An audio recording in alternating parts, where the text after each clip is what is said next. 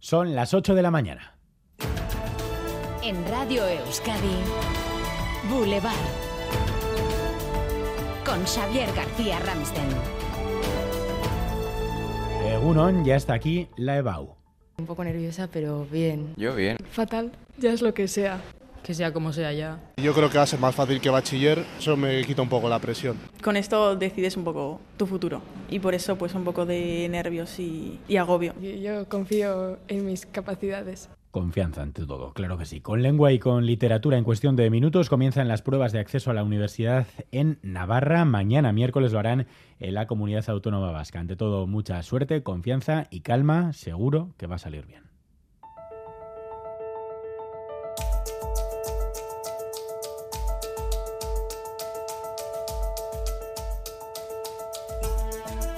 Arrancamos la mañana pendientes de Ucrania. Es noticia de esta misma mañana el posible ataque a la central hidroeléctrica de Novakayovka, la más grande del país, que podría suponer una especie de tsunami en el sur del país. ¿Qué datos tenemos, Oscar Pérez?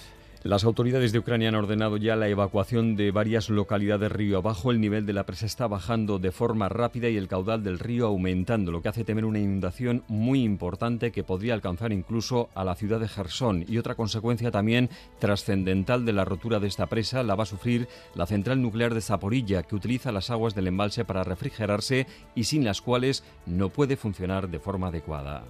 Pues enseguida ampliamos esta noticia de última hora. Además, esta mañana vamos a empezar ya a armarnos de paciencia ante la llegada del Tour de Francia a Euskadi. En unos minutos vamos a salir a la carretera para explicarles territorio por territorio cómo va a afectar al tráfico y a las comunicaciones en general la llegada a Euskadi del tercer evento deportivo más importante del mundo. Las restricciones afectarán al acceso a los aeropuertos, al recorrido y parada del transporte público, a los accesos y salidas de los centros de trabajo, a las citas sanitarias, a las celebraciones y a las demás actividades lúdicas que puedan estar programadas para esas fechas todo se va a ver afectado y la seguridad está plenamente garantizada, añadía el consejero de Seguridad Josué Coreca, al que no le consta decía que ningún colectivo de policías vaya a boicotear nada.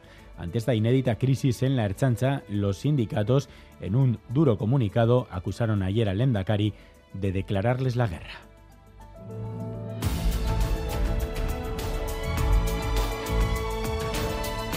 En la carrera electoral del 23 de julio, el PNV deja claro que su opción será Pedro Sánchez en línea con el pacto PNV-PSE vigente en Euskadi.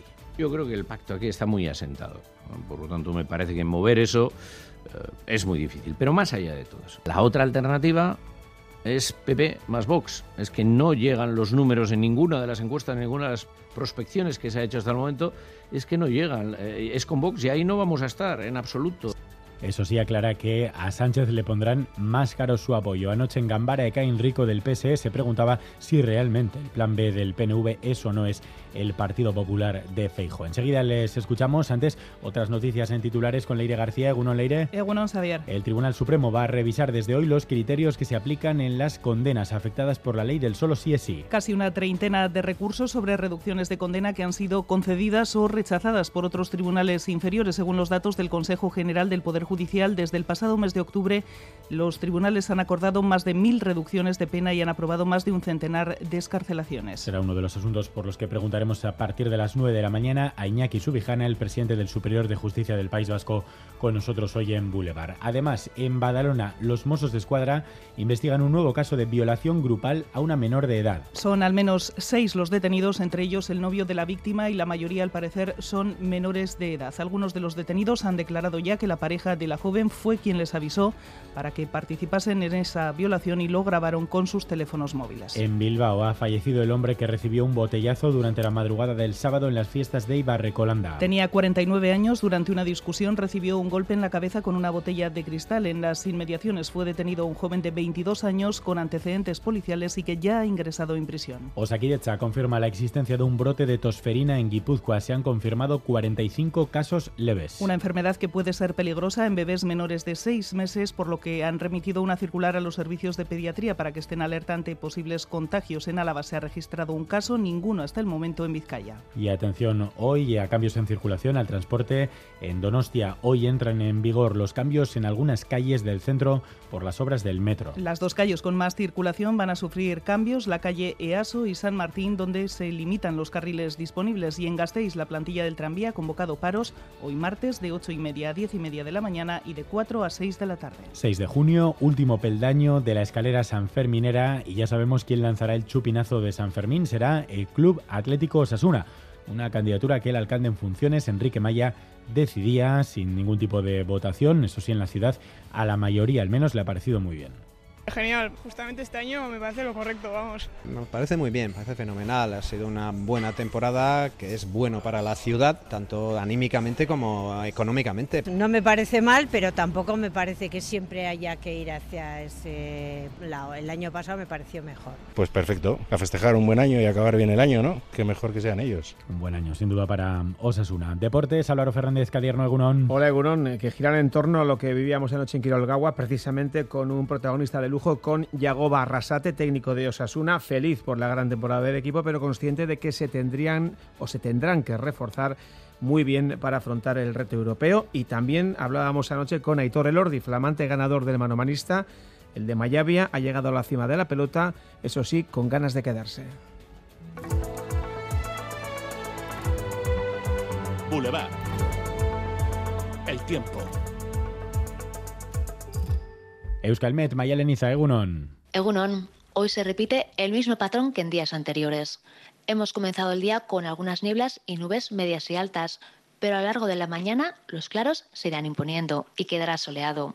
Soplará el viento del sur sin mucha fuerza, pero ayudará a que suban las temperaturas un par de grados en la vertiente cantábrica. En el sur se mantendrán sin muchos cambios y en general las máximas rondarán los 26-28 grados. Por la tarde entrará el viento del nordeste y a partir del mediodía las nubes de evolución irán ganando terreno. Y durante la segunda mitad del día se dar algunos chubascos tormentosos en el interior. De modo que hoy también la mañana será soleada y por la tarde el ambiente estará más revuelto. A esta hora tenemos 19 grados en Bayona, 18 en Bilbao y Donostia, 17 en Orduña, 16 en Tafalla, 16 en Ollón, 15 en Iruña y 14 en Gasteiz. Aupa, Egunon, es estado 19 grados. Venga, Ur. Gradu eta leño gutxi batzuk egunon izan. Egunon, en los arcos 15 grados y nublado. Aupa, agur. Egunon, mendigorrian amasei gradu. Egunona pasa. Egunon, zarautzen gaur emezortzi gradu. Ondo izan, aio.